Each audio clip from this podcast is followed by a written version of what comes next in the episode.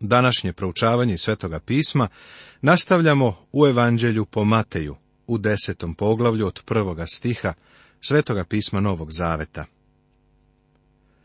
Poglavlje deseto Tema Isus šalje dvanaest apostola da idu u izraelski narod i propovedaju evanđelje o carstvu. Ovo poglavlje dalje prikazuje razvoj događaja koji smo vidjeli u Evanđelju po Mateju. Gospod Isus je dao moralne propise, sišao sa gore, pokazao svoju silu kroz dvanaest čuda koja su nabrojana. Sada on šalje u rad dvanaest apostola koji odlaze u narod Izraela i propovedaju evanđelje o carstvu. Ovi ljudi treba da idu ne kao prethodnici, nego kao oni koji slede preteču, prethodnika. Naš gospod im je dao silu da čine čuda. To je bila njihova preporuka. Da li si nekada primetio da Jovan Krstitelj nikada nije činio čuda? Zapazi da se njihov naziv menja od učenik, onaj koji uči i saznaje, u apostol, što znači poslanik, onaj koji je poslat. Dok ulazimo u ovo poglavlje, imaj na umu brojne sekte koje u ovom poglavlju nalaze opunomoćenje za izvesne neobične službe ili neobično ponašanje. Vidiš, u ovom poglavlju ne nalazimo savete za hrišćane. Savete u ovom poglavlju treba da sagledamo u svetlu okolnosti i uslova pod kojim su dati, pa bismo tako trebali da ih precizno i tumačimo. Dvanaestorica poslanih i naimenovanih i dozvav svojih dvanaest učenika, dade im vlast nad nečistim duhovima da ih izgone i da leče svaku bolest i svaku slabost. Vlast koju im je dao bila je njihova preporuka ili uverenje kada su otišli u izraelski narod. Starozavetni proroci su govorili da će to biti dokazi o Mesiji. Kada im je dao ovu vlast, oni više nisu bili učenici, nego apostoli. A ovo su imena 12 apostola. Prvo Simon, koji se zove Petar, i njegov brat Andreja, pa Jakov, Zevedejev i njegov brat Jovan, Filip i Vartolomej, Toma i Matej Carinik, Jakov Alfejev i Tadej Simon Kananej i Juda Iskariotski koji ga izdade. Znači, imamo Simona koji je nazvan Petar, Andreja njegov brat, Jakov, Zevedejev sin, Jovan, njegov brat, Filip, Vartolomej, Toma, zatim Matej Carinik, koji je inače i autor ovog evanđelja, Jakov, Alfejev sin, Lebeus, koji se prezivao Tadej, Simon Kananej i Juda Iskariotski, koji ga je i izdao. Metod i poruka storice ovu dvanaestoricu posla Isus zapovedivši im, ne idite mnogobošcima i u grad Samarijanski ne ulazite, nego radije idite izgubljenim ovcama doma Izrailjeva. Ako želiš da savjet iz ovog poglavlja primjeniš na svoju službu, morat ćeš da se ograničiš na izraelski narod, jer ovo treba da se da izgubljenim ovcama doma Izrailjeva. Ovi stihovi očigledno ne sadrže naše poslanje. Uporedi ovo sa našim poslanjem iz Dela apostolskih prvog poglavlja osmog stiha. Nego ćete primiti silu kada duh sveti siđe na vas. I bit ćete moji svedoci kako u Jerusalimu, tako i po svoj Judeji i Samariji i sve do kraja zemlje. Zapazi da treba da uključimo Samariju i najzabačenije krajeve zemlje dok je Isus dvanaestorici učenika savjetovao da se klone Samarije i da ne idu na neznabožački put, nego samo izgubljenim ovcama doma Izraeljeva. A ovo je bila poruka dvanaestorice. A hodeći, propovedajte i govorite da se približilo carstvo nebesko. Kako se približilo? Približilo se u osobi cara. On je bio u njihovoj sredini. Na prelasku u novi vek i na kraju viktorijanskog doba, neko osjećanje optimizma se širilo takozvanim hrišćanskim svetom. Sve velike denominacije toga doba prihvatile su se Herkulovskog zadatka izgrađivanja carstva nebeskog ovde na zemlji. Svaka grupa je mislila da ima ugovor od Boga da ispuni taj cilj. Crkva naravno nikada nije ni bila pozvana da izgradi carstvo. Sam gospod Isus Hristos će uspostaviti carstvo kada se vrati na zemlju. Crkva je telo, pozvano iz sveta, da objavi Hrista i da propoveda njegovo evanđelje po svetu. Carstvo nije naš posao. Carstvo nebesko je u nama kada primimo Hrista. Sada zapazi da naš gospod šalje dvanaestoricu sa istim povereništvom koje je i on imao bolesne lečite, mrtve dižite, gubave čistite, demone izgonite, zabadava dobiste, zabadava dajte. Sada insistiram na tome, da ako nameravaš da uradiš jednu od gore pomenutih stvari, onda treba da si u stanju da uradiš sve četiri. Obrati pažnju na to da je uključeno i podizanje mrtvih. Očigledno je ovo bilo primenjivo u vremenu i okolnostima pod kojima je dato. Zanimljivo je zapaziti da ljudi koji u našem vremenu koriste stih osmi kao svoje poslanstvo, zanemaruju sljedeći stih. Bar ja nikada nisam čuo da ga koriste, iako ovo ide zajedno u paketu. Ne pribavljajte zlata, ni srebra, ni bakra u svoje pojaseve. Pre izvesnog vremena predložio sam jednom takozvanom iscelitelju verom da ode u bolnice, gdje je stvarno bio potreban ljudima ali zanimljivo je vidjeti da ovi ljudi hoće da su na mestima gdje se uzimaju dobrovoljni prilozi. Očigledno ovaj stih treba da stavimo u odgovarajući kontekst. Ovo su bila privremena uputstva koje je Isus dao u toku svoje trogodišnje misije. Onda je na kraju njegove misije došao dan kada je on apostolima dao drugačija uputstva.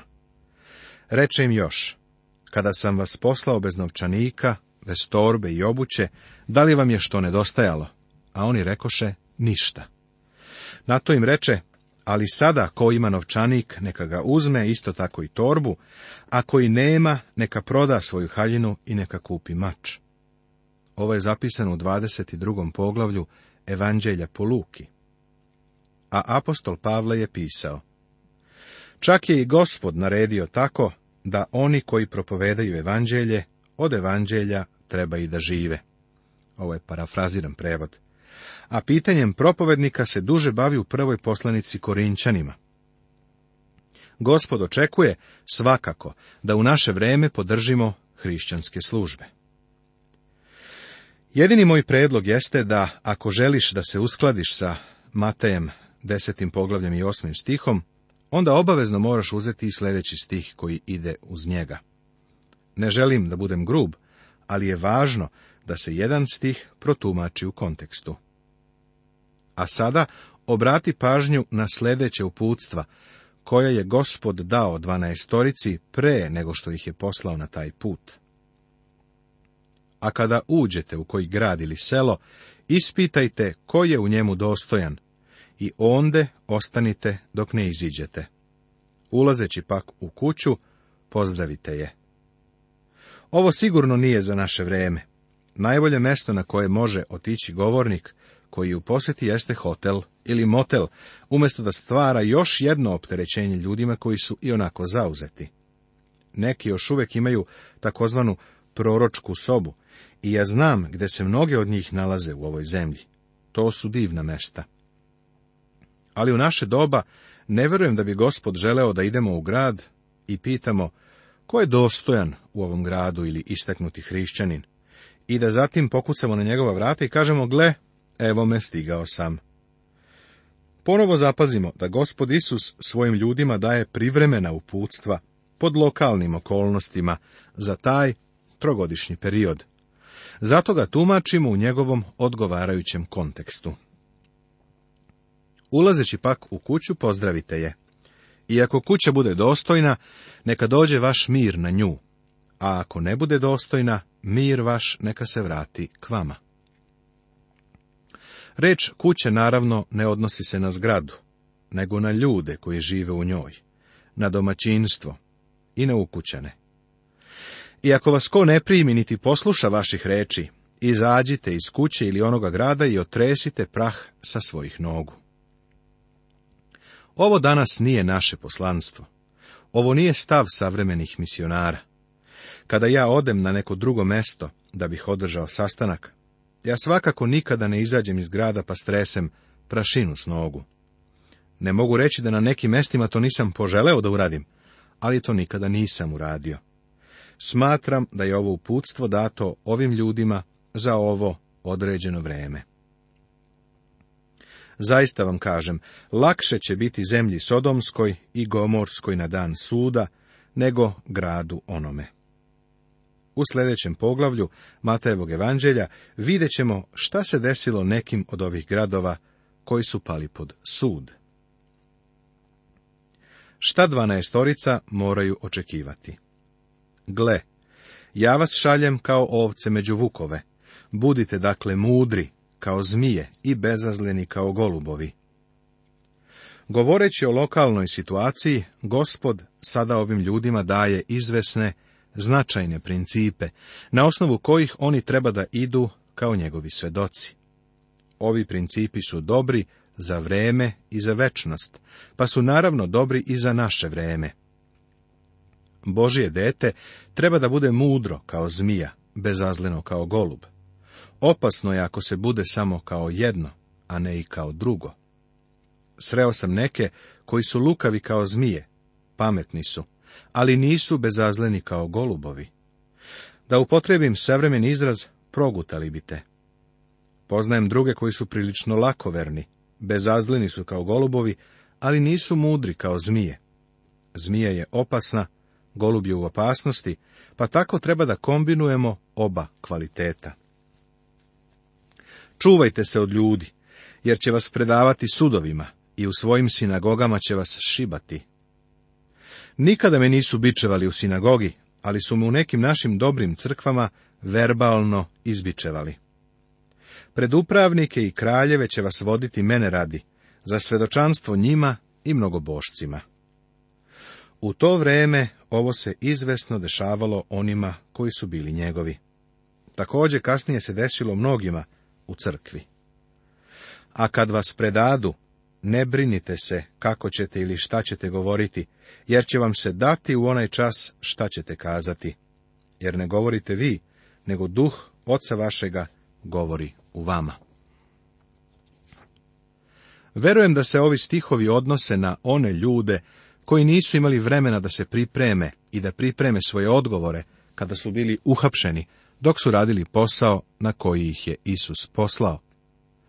Ovi ljudi koje je gospod poslao nisu se pripremali, pa ako ove stihove primjenimo na tu lokalnu situaciju, onda sa njima nećemo imati nikakvih problema. Nažalost, mnogo je ljudi koji ove stihove primenjuju na sebe, pa se i ne pripremaju za svoje propovedi. Kada sam bio na teološkom fakultetu, jedan moj kolega koji je na razne načine bio čudan, verovao je da treba da propoveda bez ikakvih priprema. Jedne noći, jedan moj prijatelj i ja rešili smo da odemo i slušamo ga kako propoveda. Bilo je sasvim očigledno da svoju poruku nije spremio. Pri povratku kući na fakultet, moj prijatelj koji je bio drski od mene upitao ga je, da li si spremao svoju večerašnju poruku? Naravno da nisam. Pa kako si došao do nje? Duh gospodnje mi je dao. Moj prijatelj mu rekao, mislim da za tu poruku ne bi trebalo da okrivljuješ duha svetoga. Jedan drugi moj prijatelj je previše godina bio u Teksasu, u Americi, kada su vozovi tuda prolazili, pa je baš u nedelju ujutro morao da preseda na drugi voz. Dok je čekao vezu, šetao je gore dole sa beleškama u ruci, jer je toga jutra trebalo da propoveda. Nosio je dugi kaluđerski mantil. Prišao mu jedan crnac koji je također nosio takav mantil. I crnac ga je upitao, da li ste propovednik? Da. Šta radite? Evo pregledam beleške za svoju jutrošnju propoved. Hoćete da kažete da propovedi pripremate? Pa da, zar vi to ne činite? Ne, ja samo ustanem, dozvolim duhu svetom da govori kroz mene. Pretpostavimo da vam kada ustanete duh sveti ne da odmah poruku. Šta onda uradite? O, rekao je, pravim gužvu, dok mi ne da. Nažalost, tako je mnogo propovednika koji u naše vrijeme samo prave zbrku i kao izgovor zato koriste ovo uputstvo koje je gospod dao svojim apostolima. Ovo je stvarno pogrešno tumačenje Svetog pisma. Ako ove stihove vratimo u njihov kontekst i sagledamo ih u lokalnoj situaciji, njihovo značenje postaje kristalno jasno. Isus dalje nastavlja a brat će brata predavati na smrt i otac dete, i ustajaće deca na roditelje i ubijeće ih. Hristov dolazak na svet je podelio ljude. Nije doneo jedinstvo. Kada jedna osoba u porodici prihvati Hrista, a druga ne, nastaje razdor i podela. Apostol Pavle je to lepo rekao u prvoj poslanici Korinčanima u prvom poglavlju u osamnaestom stihu jer reč o krstu je ludost onima koji propadaju, a nama koji se spasavamo sila Božja. I svi će vas mrzeti zbog moga imena, ali koji istraje do kraja, taj će biti spasen. Ovo se odnosi na činjenicu da će Gospod sačuvati one koji su njegovi u toku svoje trogodišnje službe.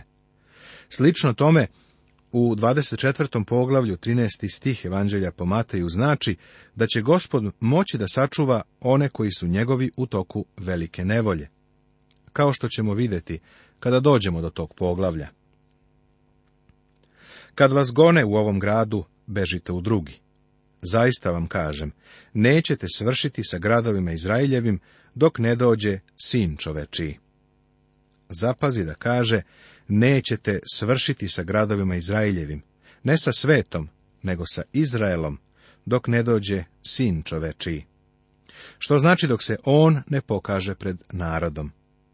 Teško nam je da zamislimo činjenicu da je naš gospod pokrio Izrael. U vezi sa njim je postojala prava podela. Kada je upitao svoje učenike šta kažu ljudi, ko sam ja, oni su mu dali nekoliko odgovora. Svi su imali sobstveno mišljenje o njemu. Isto je i u naše doba. Isus je najkontroverznija osoba koja je ikada postojala na ovom svetu. Principi koji treba da upravljaju životima svih učenika. Sada gospod Isus svojim ljudima daje opšta uputstva. Ovo su veliki principi koje ti i ja izvesno možemo primijeniti na sebe, iako je direktno tumačenje usmereno na dvanaestoricu apostola. Učenik nije nad učiteljem niti sluga nad svojim gospodarom. Treba da imamo na umu da mi predstavljamo gospoda Isusa Hrista i on treba da bude na prvom mestu. Ako ga ne stavimo na prvo mesto, imat ćemo nepriliku. Mislim na nepriliku sa njim. Dosta je učeniku da bude kao njegov učitelj i sluzi kao njegov gospodar. Kada su domaćina nazvali Velzevulom, koliko će više njegove domaće? Ne brini o tome šta ljudi govore o tebi, ako si veran Hristu. Nisu lepo govorili ni o njemu. Ako su loše postupali prema gospodu, njegovi učenici teško da mogu da očekuju da će bolje proći. Ne bojte ih se dakle, jer ništa nije skriveno što se neće otkriti, niti tajno što se neće doznati.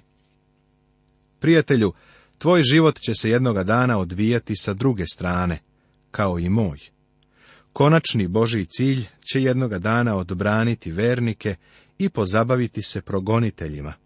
Tako bolje bi bilo da paziš na svoj unutrašnji život, kao što paziš na spoljašnji. Što vam govorim u mraku, kažite na svetlosti, i što na uho čujete, objavite sa krovova. Uvek o radiju mislim kao o najboljem načinu propovedanja sa krovova. Postaviš antenu na vrh krova i uhvatiš čak i najdalju stanicu. Na ovaj način mi danas propovedamo sa krovova. Mislim da je to efikasan način. I ne bojte se onih koji ubijaju telo, a duše ne mogu ubiti. Nego se više bojite onoga koji može i dušu i telo da upropasti u paklu. Drugim rečima, boj se Boga.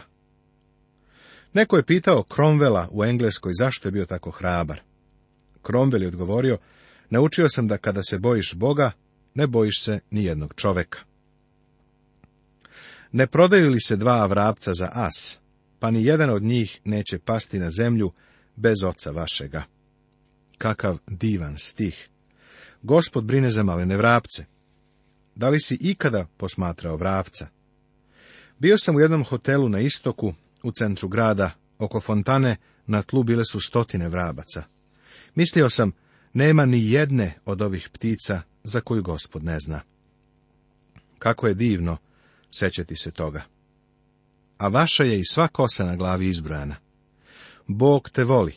Gospod Isus te voli više nego tvoja majka. Da li je tvoja majka ikada brojala kosu na tvojoj glavi? A Bog zna njen broj. Ne bojte se dakle, vi vredite više od mnogih vrabaca. Razmisli o tome. Ako Bog zna gdje je jedan vrabac, prijatelju, zna i gdje si ti. Nikada nećeš stići tamo gdje on ne bi znao gdje si. Nastavit će se.